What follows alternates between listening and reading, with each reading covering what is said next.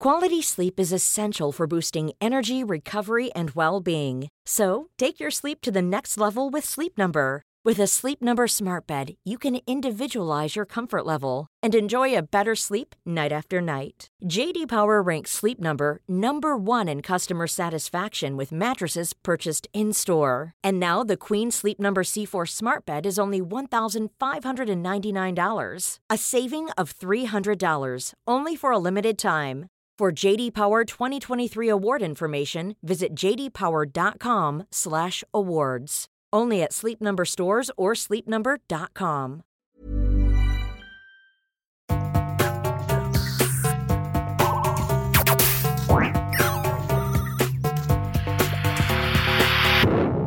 Jeg heter Sondre Risom Livre.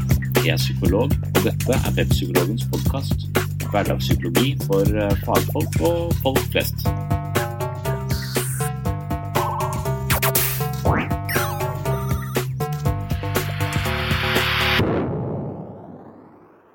Velkommen til eh, episode 14. Temaet i dag er eh, fysisk aktivitet. Trening er bra for vår fysiske og psykiske helse. Det er ingen tvil om.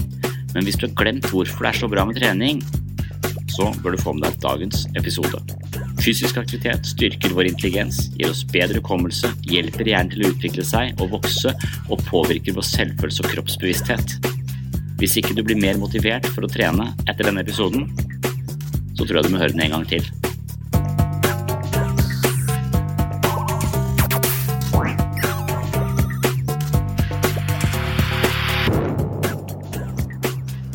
I dette foredraget refereres det til noen plansjer.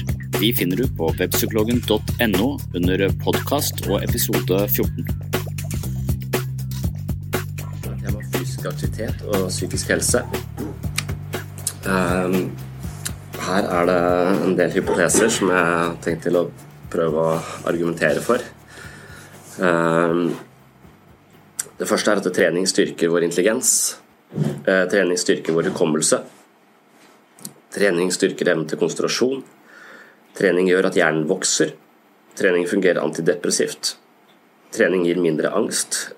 Trening gir generelt sett mer livskraft. Trening gir bedre selvtillit.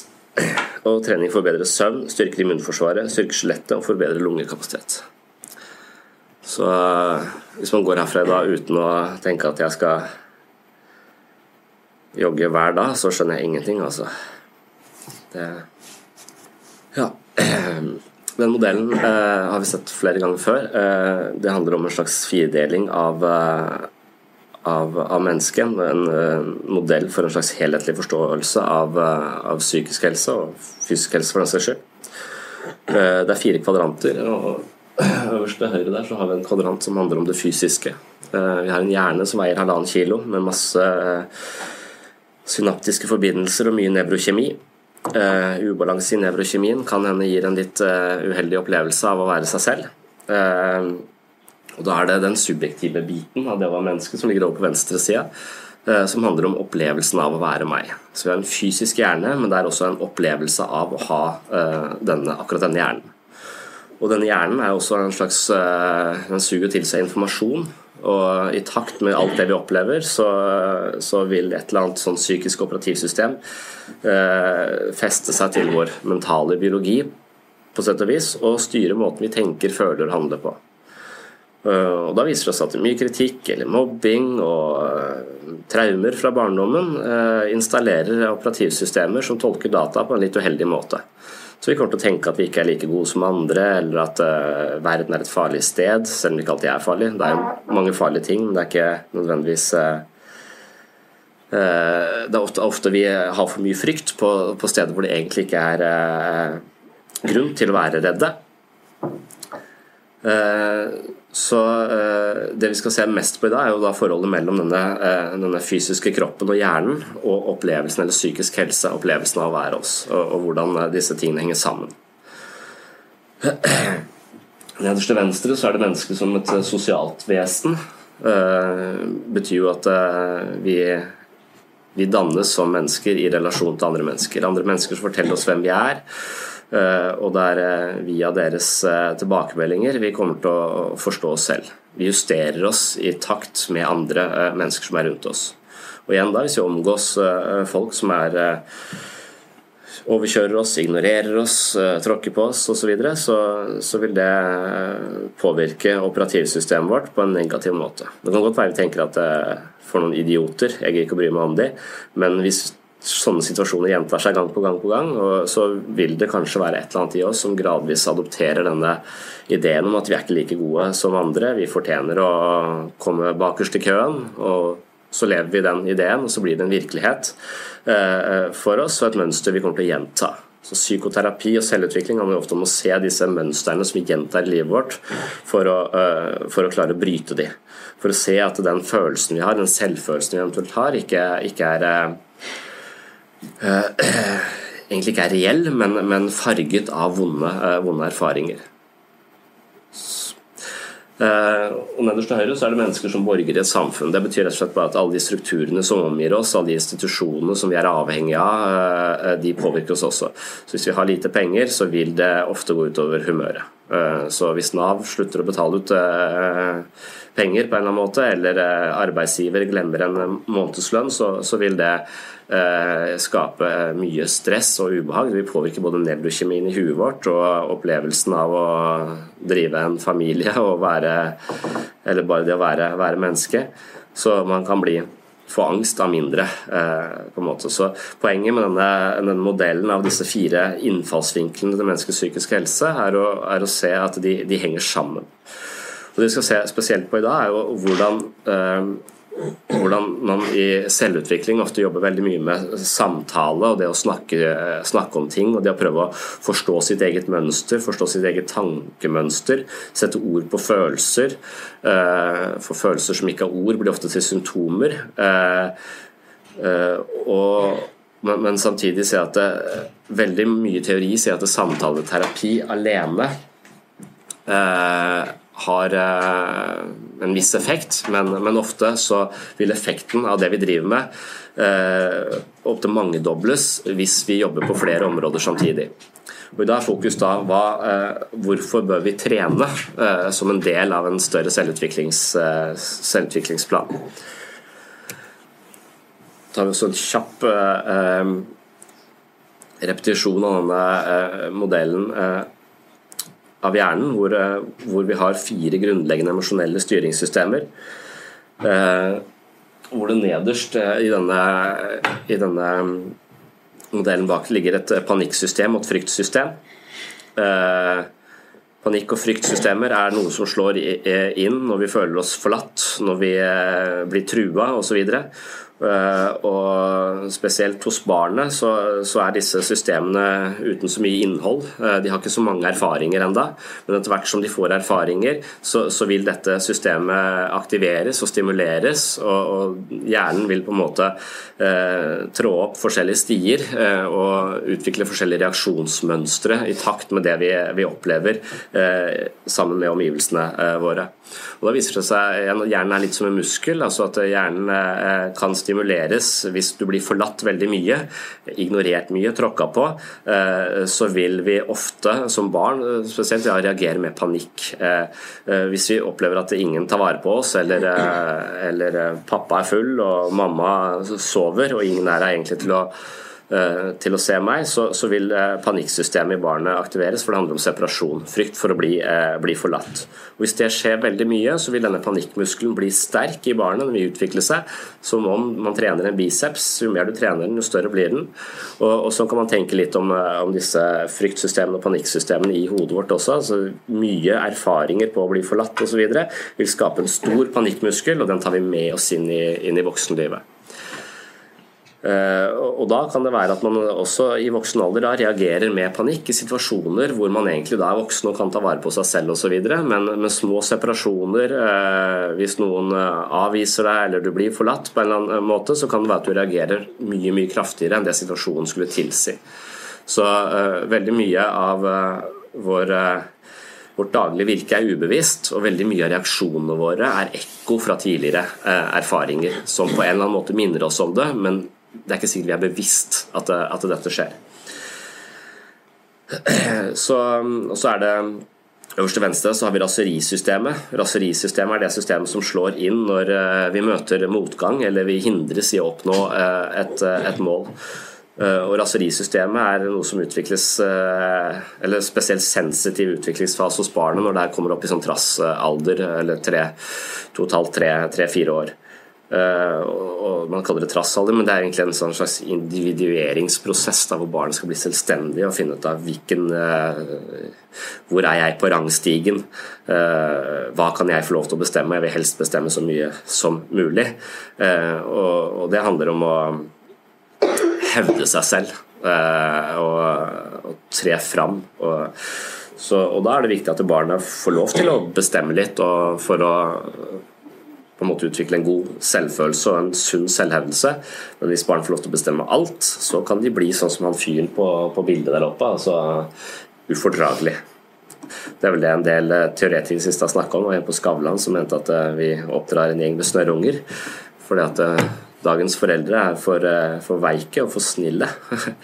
og, og, gir etter altfor lett, så barn får bestemme. Så bare skriker høyt nok, så får du som du vil. Og han mener at det blir en gjeng med snørrunger. Det er jeg ble stressa når jeg så det eh, programmet han sa det.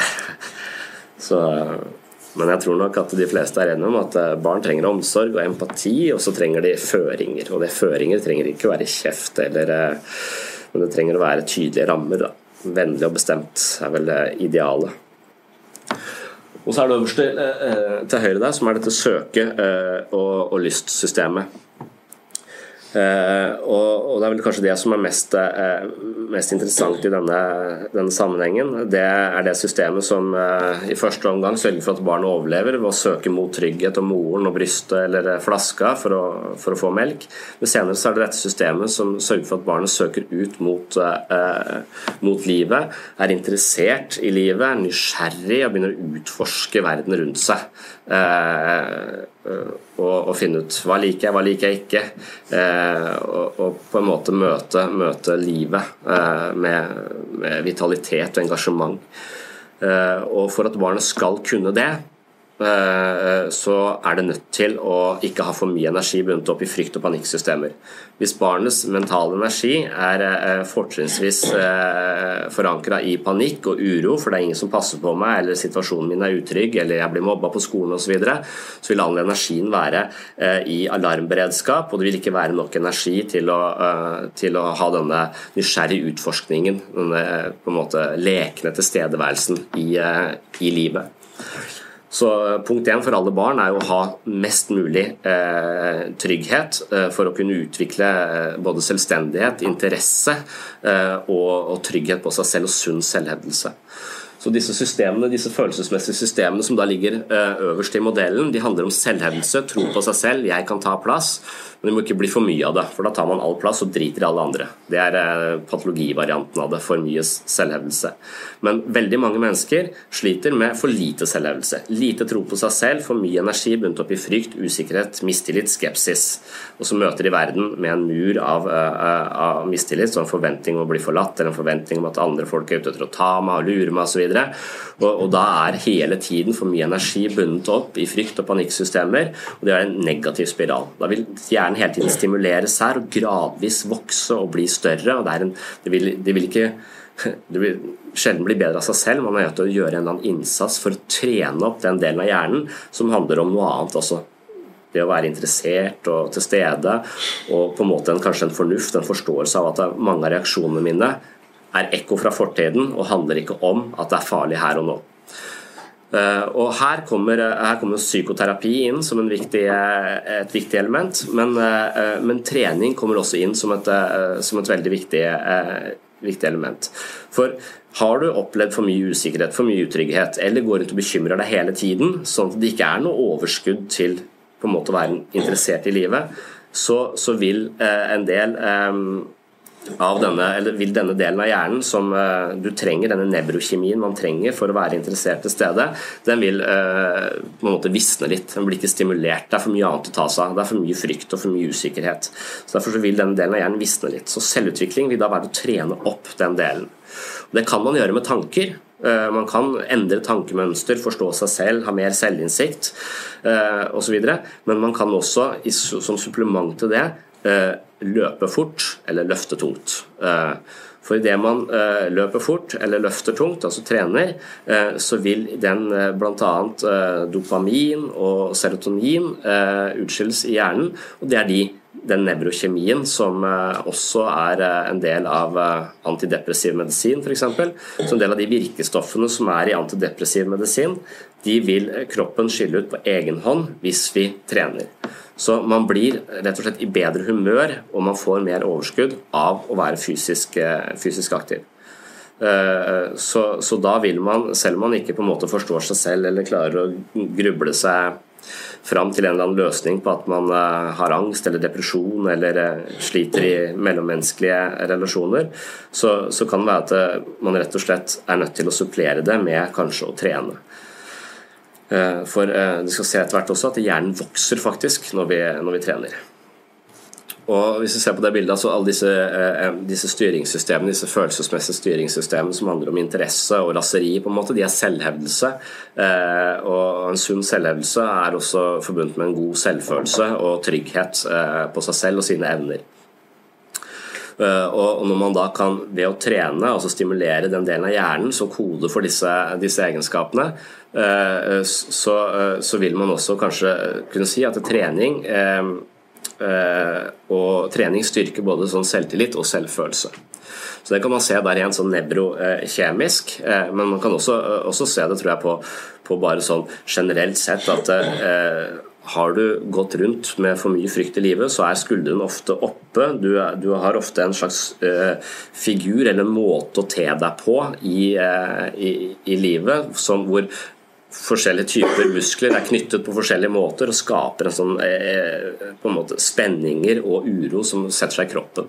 Så det er noen sånne psykomotoriske fysioterapeuter som bare behandler angst gjennom kroppen, fordi det setter seg i musklene. Og, eh, og, og vi har et sånt kroppsskjold, eller et kroppslig forsvar, eh, som, som, på en måte løper angstens tjeneste eller depresjonens tjeneste.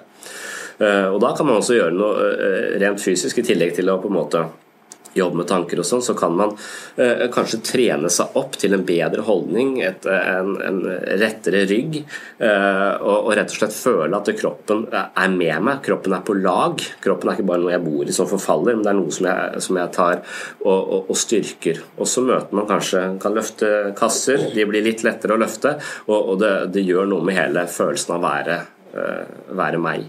Så, så, det styrker på en måte selvtilliten, tror jeg. Sånn, man kan tenke kanskje på en litt sånn Kanskje ikke har så stor betydning, men jeg opplever og tror at det har en veldig veldig stor eh, At vi, ved å være litt fysisk sterkere eller kunne løpe litt raskere, at det øker mestringsfølelsen på flere områder.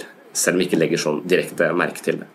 Jeg har også lagt merke til at at uh, ungdom som er utrygge og sliter med identitet og, og, og, det å bli akseptert og føle seg like god som andre, kan havne i en sånn litt sånn usynlig 'jeg er tilbaketrukken' posisjon. Eh, mens hvis de klarer å eh, få sertifikat og kjøre bil, så våkner de litt. Akkurat som dette, bare det å kjøre bil øker en eller annen form for styrke i dem selv til å mestre et eller annet. Og så, og så syns jeg på en måte bare denne, dette sertifikatet har løftet de mange hakk fra den litt sånn unnselige, usynlige personen som, det, som jeg møtte før de fikk sertifikatet. Så jeg tror sånne fysiske ting faktisk kan påvirke oss psykisk mer enn vi egentlig tror. Så da er det spesielt to sånne kjemiske nøkler eh, eh som utskilles når vi, eh, når vi trener. Eh, det ene er endorfiner. Det er på en måte kroppens eget eh, smertestillende. Eh, endorfinene sørger for velbehag som påvirker holdning og humør i positive retninger. Serotonin er en annen kjemisk nøkkel som åpner for et hevet stemningsleie. Trening øker serotoninnivået i kroppen, og dermed øker graden av velvære, overskudd og energi. Serotonin, altså virkestoff i mange antidepressive medisiner. Og, og, da kan man jo kanskje si at trening har den samme effekten som på en måte lykke, uh, lykkepiller.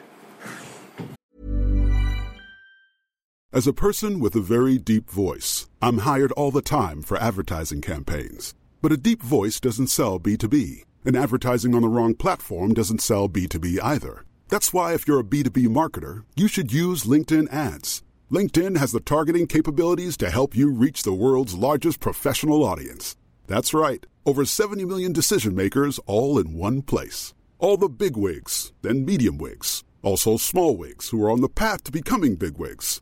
Okay, that's enough about wigs. LinkedIn ads allows you to focus on getting your B2B message to the right people. So, does that mean you should use ads on LinkedIn instead of hiring me, the man with the deepest voice in the world? Yes. Yes, it does. Get started today and see why LinkedIn is the place to be to be. We'll even give you a $100 credit on your next campaign. Go to linkedin.com slash results to claim your credit. That's linkedin.com slash results. Terms and conditions apply. Hey, I'm Ryan Reynolds. Recently, I asked Mint Mobile's legal team if big wireless companies are allowed to raise prices due to inflation. They said yes. And then when I asked if raising prices technically violates those onerous two-year contracts, they said, what the f*** are you talking about, you insane Hollywood ass?" So to recap, we're cutting the price of Mint Unlimited from $30 a month to just $15 a month. Give it a try at mintmobile.com slash switch. $45 up front for three months plus taxes and fees. Promo rate for new customers for limited time. Unlimited more than 40 gigabytes per month. Slows. Full terms at mintmobile.com. Fire gode grunner til å trene. Uh, Vi nevnte innledningsvis trening styrker immunforsvaret, skjelettet og øker lungekapasiteten. Eh, Det motvirker høyt blodtrykk, hjerteinfarkt og diabetes, og mer generelt kan man si at det minsker risiko for livsstilssykdommer.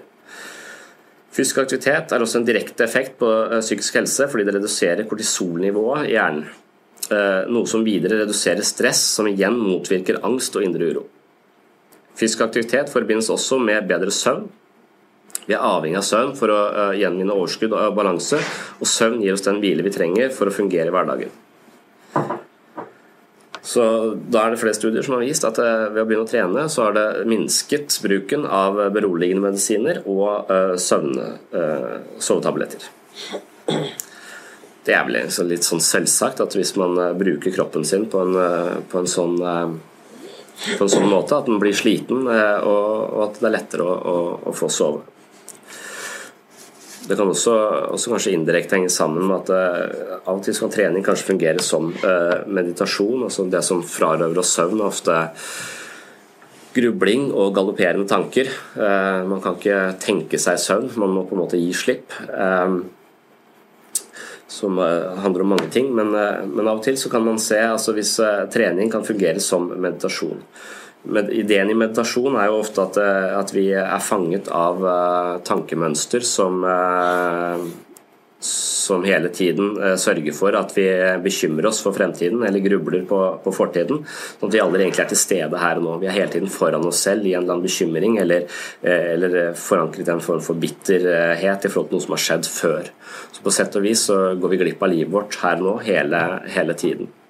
Ved meditasjon så handler det om å forankre seg i øyeblikket og på sett og vis tømme hodet for tanker, men være til stede her og nå. Og Det gjør man ofte med pust. Eh, Så, så når man trener i meditasjon, så trener man, eh, man på å være til stede eh, og forankre seg i øyeblikket, og ikke la disse tankene bli livstyver og stjele på en måte øyeblikket fra deg hele tiden. På sett og vis kan vi si at her inne akkurat nå så er det ingen problemer.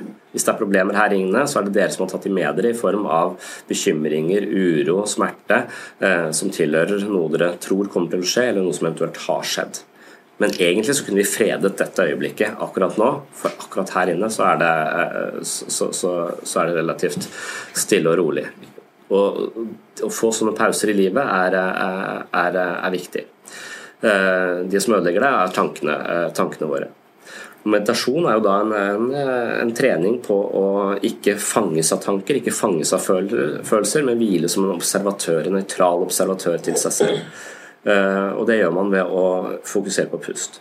Og Det samme greiene kan man egentlig gjøre med, med trening. Altså Trening er en uh, praksis som kan føre deg litt tilbake til kroppen her og nå. Hvis ikke du er på treningsstudio hele tiden tenker og bekymrer deg, men på en måte er til stede i det du gjør. Kjenner at du løfter armen, eller kjenner at bena beveger seg. Kjenner lufta uh, piske mot ansiktet når du er ute og løper. Uh, hvis du klarer å være til stede på den måten, så viser en del forskning at treninga, effekten av treninga blir opp mot 20% bedre.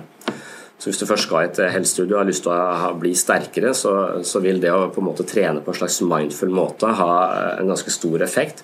Pluss at den eh, helsegevinsten du får en sånn mentalt sett, vil også være mye, eh, mye større. ser at trening gjør noe med hjernen, og den gjør noe med hjernen på litt samme måte som psykoterapi og meditasjon gjør noe med hjernen. Den, det begynner å aktivere senter bl.a. i prefrontal eh, cortex, eh, som eh, styrker vår evne til å regulere følelser, være til stede, kunne tenke over ting, kunne konsentrere oss litt dypere og ikke overveldes av følelser og destruktivt tankegods. Så trening som meditasjon er også et veldig viktig, et viktig argument eller et, og et viktig aspekt ved trening. For noen så fungerer også trening som et uttrykk for, eh, for følelser, eh, rett og slett. Eh, I psykologi så tenker man at, at de følelsene vi ikke har språk på, de følelsene som har oppstått så tidlig i livet at vi ikke kunne forstå dem, de ligger bare der som en, som en smerte fra, fra, fra, fortiden. Og en del av de følelsene som vi rammes av, de har, ikke noe, de har ikke noe forståelse for, de bare slår oss, vi kjenner det i kroppen. Angst setter seg i brystet eller i halsen eller i magen og, og ødelegge for oss. Så en del psykoterapi eller selvutvikling handler om å sette språk på følelser eller gi følelser et uttrykk. Eh, forfattere skriver og gir kanskje kraftige følelser et uttrykk på den måten. Eh, kunstnere kanskje maler eller lager skulpturer og, og uttrykker seg kreativt som et utløp for følelser. Innestengte eh, følelser blir til symptomer mens følelser som får et uttrykk som ikke ødelegger for andre, øh, er en måte å bearbeide dem på eller håndtere dem på en konstruktiv måte. Vi kan bruke sterke følelser på en god måte, enten gjennom kunst eller politikk, eller bruke det som en drivkraft øh, i livet. Så når sinnet vårt blir innestengt, eller og, og, vi går rundt øh, med Så, blir vi, så, så, skaper det psykiske spenninger som kulminerer i symptomer eh, på et eller annet tidspunkt. Så det å finne et uttrykk for følelsene er, er en viktig del av, av, psykisk helse. Og Det betyr da at, at eh, at trening kanskje kan være med og, og, og bl.a. gi litt kraftige følelser et, et uttrykk. Boksing f.eks. må kunne være et, eh, en sosialt akseptabel arena for, eh, for eh, sinne. Kanskje man egentlig er sint på foreldrene sine, men ikke tør. Kanskje man eh, alltid blir overkjørt eller oversett, men aldri tør å si fra. Så er man masse innestengt sinne eh, som ikke får noe eh, uttrykk. Man klarer ikke foreløpig å si sin mening eller hevde seg på en god måte. Så kan det være at istedenfor at disse eh, følelsene skal stivne i oss selv eh, og bli til indre smerte og føre til depresjon og angst, eh, så kan det være at vi gjennom en eller annen form for trening i hvert fall får, er med på å løsne litt på, på alt dette innestengte emosjonelle kaoset. Sånn sett så tror jeg eh, også trening har en effekt på eh, som en slags eh, modent psykisk forsvar, nærmest. Og så er det trening eh, og intelligens. Eh, dette ligger i det bladet bl.a. Illustrert vitenskap. Jeg så litt mer på de undersøkelsene. Vi hadde en database her som jeg kunne vise til, og det var ganske oppsiktsvekkende, syns jeg, hvordan trening påvirker eh, Eh, intelligens. Eh, og det, det, det var bl.a. en svensk studie eh, hvor de hadde tatt 1,2 millioner sånne unge, unge, menn som skulle på sesjon, altså som en sånn kontroll for, for, å sjekke om de kan, er skikket til militærtjeneste. Så har de 1,2 millioner, det var svensker. Eh, hvor de da både tester kondisjon, og så får kondisjonen et tall. Eh, og så tester de, eh, tester de, intelligens. De har en del sånne intelligenstester. Og Da korrelerer jo kondisjon med intelligens på en ganske sånn direkte måte. Så har du dårlig kondisjon, så skårer du også lavt på intelligenstesten. De som har best kondisjon, skårer høyest på, på intelligenstesten. Det, var, det er en ganske stor gruppe, det er 1,2 millioner, så selvfølgelig så er det unntak her. Men generelt sett så er det nesten en lineær sammenheng mellom, eh, mellom, kondisjon og intelligens. Det er jo eh, noe som etter hvert også man kan begynne å lure på Kan jeg da bare springe rundt i skauen og bare bli smartere og smartere? Eh, det tror jeg ikke er akkurat sånn, men jeg tror ikke at du blir smartere bare av å sitte inne og røyke og lese ei bok heller. Jeg, jeg, tror at jo flere bøker du, du Du leser, det, det har en effekt, men jeg tror at istedenfor å bruke all tida di på å lese bøker, hvis du da hadde jogga i tillegg, eller brukt halvparten av tida på bøker, halvparten av tida på jogging, så tror jeg intelligensen din eh, Det vil i hvert fall den, disse undersøkelsene antyde, at, at skal du bli smartere, så kan du ikke bare lese. Det tenker man kanskje før. Det er de som har lest og sitter inne og leser og leser, og leser, det er de smarteste. Men det kan være de som springer og springer og springer, ikke er så dumme, de heller. Men intelligens er jo hva, hva er intelligens? Det er jo litt uh,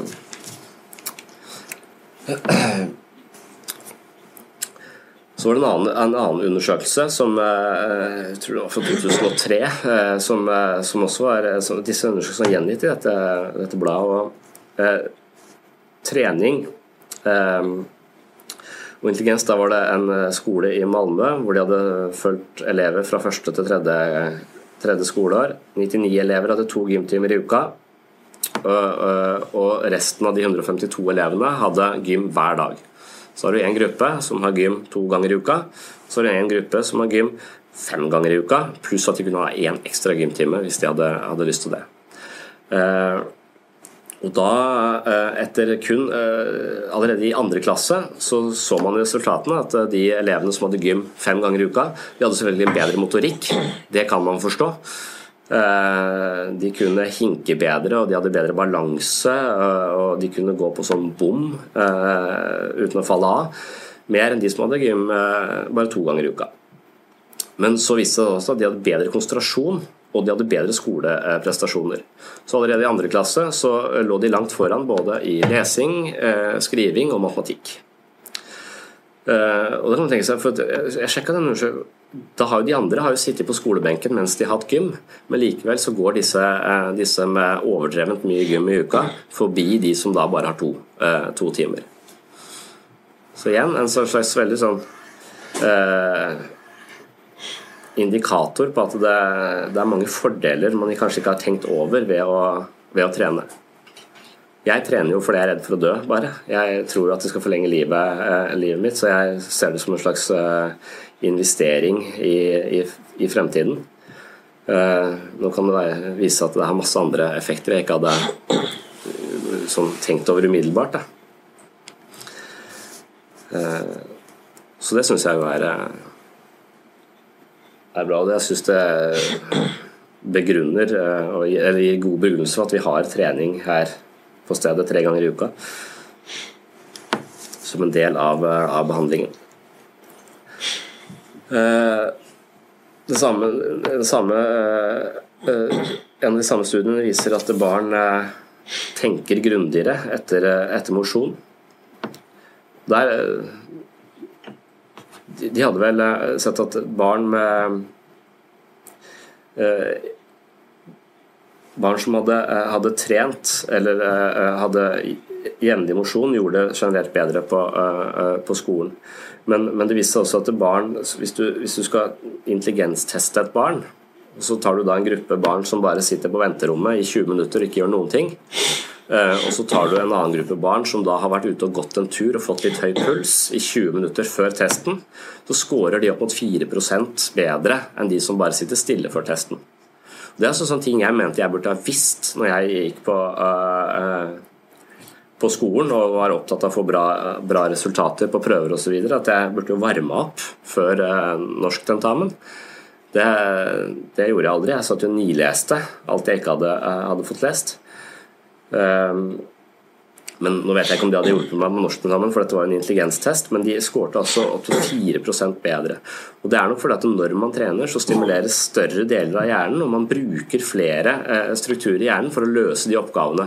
Så På den testen så viste det at de lette oppgavene klarte alle eh, på lik linje, men det var ved de vanskelige oppgavene som trengte eh, på en måte mer kompliserte løsningsstrategier, så var de som da hadde mosjonert før testen, skårte bedre. Dette er jo liksom eh, litt i samme tråd. Mye av denne forskningen eh, kommer eh, spesielt fra, det, fra mindfulness eh, og, og, og, den type ting. Altså det er der man har eh, på en måte reklamert mest med at du kan trene opp din egen hjerne. Eh, fordi at man før trodde at hjernen var en ganske sånn statisk størrelse som var utstyrt med så og så mange hjerneceller som gradvis daua etter hvert som du ble eldre og etter hvert som du drakk alkohol og slo hodet ditt. Eh, eh, men så viser det seg at hjernen er veldig plastisk, og at hjernen hele tiden eh, forandrer seg. At hjernen kan trenes opp på lik linje med at kroppen kan trene oss. Så Vi kan trene kroppen vår, få den kroppen vi ønsker, men vi kan også trene opp hjernen vår få den hjernen vi ønsker. Det å løpe gir oss høyere intelligens, og høyere intelligens altså, hvis man sliter med depresjon eller usikkerhet og, og, sånne ting, så vil det å ha en høy intelligens eh, vil kanskje ikke direkte hjelpe oss. Det kan jo være masse smarte folk som har det helt forferdelig, men, men, det er i hvert fall eh, Høy intelligens er en eh, sånn Når man tenker på prognose, så vil høy intelligens, eller høyere intelligens være forbundet med større mulighet for å få det bedre. Og det er fordi at For å bli bedre, for å endre livet vårt, så må vi også kanskje forstå en del ting. Vi må kanskje forstå oss selv, vi må kanskje forstå sammenhenger i livet vårt. og Det krever en viss form for kognitiv eh, eh, kapasitet. Så det å være litt klartenkt, det å kanskje trene seg opp til å bli mer klartenkt, det, det vil eh, indirekte kunne hjelpe oss til å, å, å få det, nå de målene vi ønsker, eller få det livet vi, livet vi ønsker. Og så er det dette eh, dette hormonlignende eh, eh, stoffet som utskilles når vi blir slitne eller når vi trener. Og dette, eh, det å trene styrke virker ikke som gjør oss spesielt mer intelligente. Det kommer kanskje ikke som en overraskelse. eller sånn jeg har ikke tenkt at dørvaktene utenfor disse utestedene er de mest intelligente menneskene i verden. Jeg har sett at de har kjempestore muskler, men jeg har ikke forbundet dem med, med med, sånn eh, høy intelligens alltid. Nå har jeg ikke hatt så veldig høy intelligens når jeg har møtt dem heller. Uh, så det, det, kan jo ha en, ha en sammenheng der. Uh, men, men, det er fortrinnsvis det å, å løpe og kondisjonstall som henger sammen med intelligens. Eh, men, eh, men, det å trene, eh, bare løfte vekter eller, eller, eller løpe for den saks skyld, altså det, det, gjør noe med hjernen. At den utskiller noe hormonlignende stoff som gjør at hjernen vokser på, på, en, på en, måte. Så, så en del sentrale deler av hjernen vokser når vi trener. Eh, og disse, disse sentrene og disse delene av hjernen de trenger vi for å eh, regulere følelser, forstå oss selv, eh, og de handler om økt grad av livskvalitet og, og mer, en mer integrert hjerne, på sett og vis. Så her tror jeg de testa, her tror jeg de tok på rotter. Eh, vekter. Så sa de til rotta at nå må du løpe opp ned den stigen der med vekter på deg. Eh, og så eh, pælma de rotter inn i sånne løpehjul hvor de løp 1,5 km om dagen. Jeg syns 1,5 km er jo egentlig det er, ikke, det er jo litt langt, særlig når du har så uh, lange bein. Uh, så jeg syns det var godt trente rotter. Uh, men det de skulle sjekke da, det de ofte gjør med rotter, er å putte de inn i sånne labyrinter hvor de skal prøve å finne veien ut. Og da scorer jo både disse styrketreningsrottene og disse kondisjonsrottene mye mye bedre enn rotter som ikke trener i det hele tatt, men bare ligger og, ligger og, spiser. Så De finner veien ut. Så det handler bare om hjernen generelt sett styrkes. altså De blir eh, de rustes til å møte kompliserte oppgaver på en bedre måte enn de utrente og late rottene. Så er det dette med, eh, med hukommelse eh,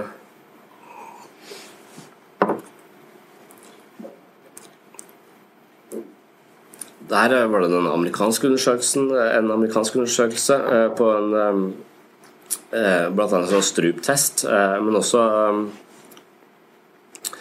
også viser en, en, stor sammenheng mellom det å være i god form Eh, og det å ha en, en stor hippocampus som ligger et sted, det står på bildet omtrent midt inni, litt langt nede i hjernen. Og hippocampus er forbundet med hukommelse, det å huske ting. Eh, og man har sett at eh, når man blir eldre, så blir denne hippocampusen bare mindre og mindre og mindre. Og så, og så ender det med demens. Um, og der, eh, når man da testet en hel, en hel del eldre, eldre, mennesker på dette, eh, så, eh, så, viste det seg jo at de, som, de best trente eldre menneskene hadde en dobbelt så stor hippocampus som de dårligst trente.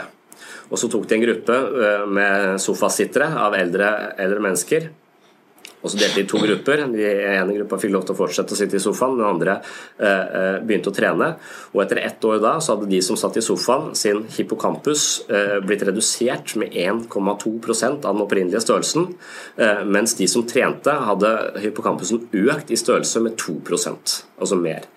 Eh, så, og, og da er jo ganske konklusjonen, eller sånn Eh, ikke så vanskelig å finne en sammenheng mellom utviklingen av demens, eller Alzheimer også. Eh, de vet ikke akkurat nok eh, om det, men, men, det å være godt trent, det vil også sørge for at man kanskje unngår en del av de eh, reduksjonen i hjernekapasitet som, som, naturlig nok skjer når man blir eldre. Det kan man også forebygge ganske mye ved å være fysisk, fysisk aktiv. Og så mener jeg at når, når man trener, eh, så slår man eh, to fluer i én smekk. Man får bedre fysisk helse, og man får bedre psykisk helse. Og så er det også sånn at noen syns det er kjempegøy å trene. Eh, da er det jo nesten tre fluer i en smekk. Da, da, er du gøy i tillegg. Jeg har aldri syntes at det har vært spesielt gøy. Eh, jeg gjør det som sagt mest for å, for å leve lenger eh, og pine meg gjennom det. Eh, da hjelper det å være til stede i det jeg gjør, istedenfor å tenke grue meg eh, framfor altså, faen nå er det én ny, eh, ny, vekt. Og, og, det også hele tiden tenke på hvor lenge mange har jeg igjen, hvor, når er jeg ferdig, det skaper en ganske anstrengt treningsøkt for mitt vedkommende. Jeg prøver mer og mer, etter hvert som jeg er mer og mer opptatt av mindfulness, være til stede her og nå uten å egentlig telle eller være så opptatt av når jeg er ferdig. Eh, det reduserer smerten for min, eh, for min del ved, ved, å trene. Hvis man ikke er helt der, det er jo sjelden at jeg klarer det sånn 100 eh, så, så, så tenker jeg vel at lykke er noe som gjør vondt, og noe man må strebe lenge etter. Det som kommer lett, det forsvinner lett. Det som jeg må jobbe hardt for over lengre tid, det er kanskje det som på sikt gir meg mest tilfredshet. Så jeg har en idé om at lykke ikke er noe som, eh, som kommer eh, kjapt, men noe som jeg må på en måte utfordre meg selv litt og, og presse meg selv litt over litt lengre tid for å oppnå.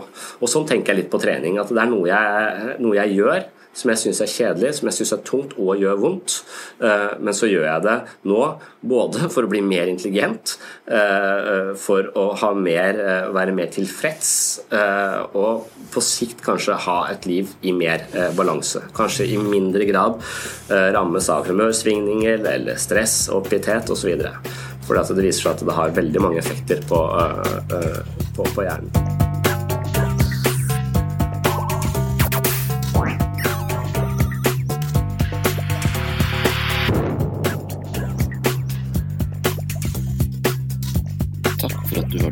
Webpsykologens eh, podkast.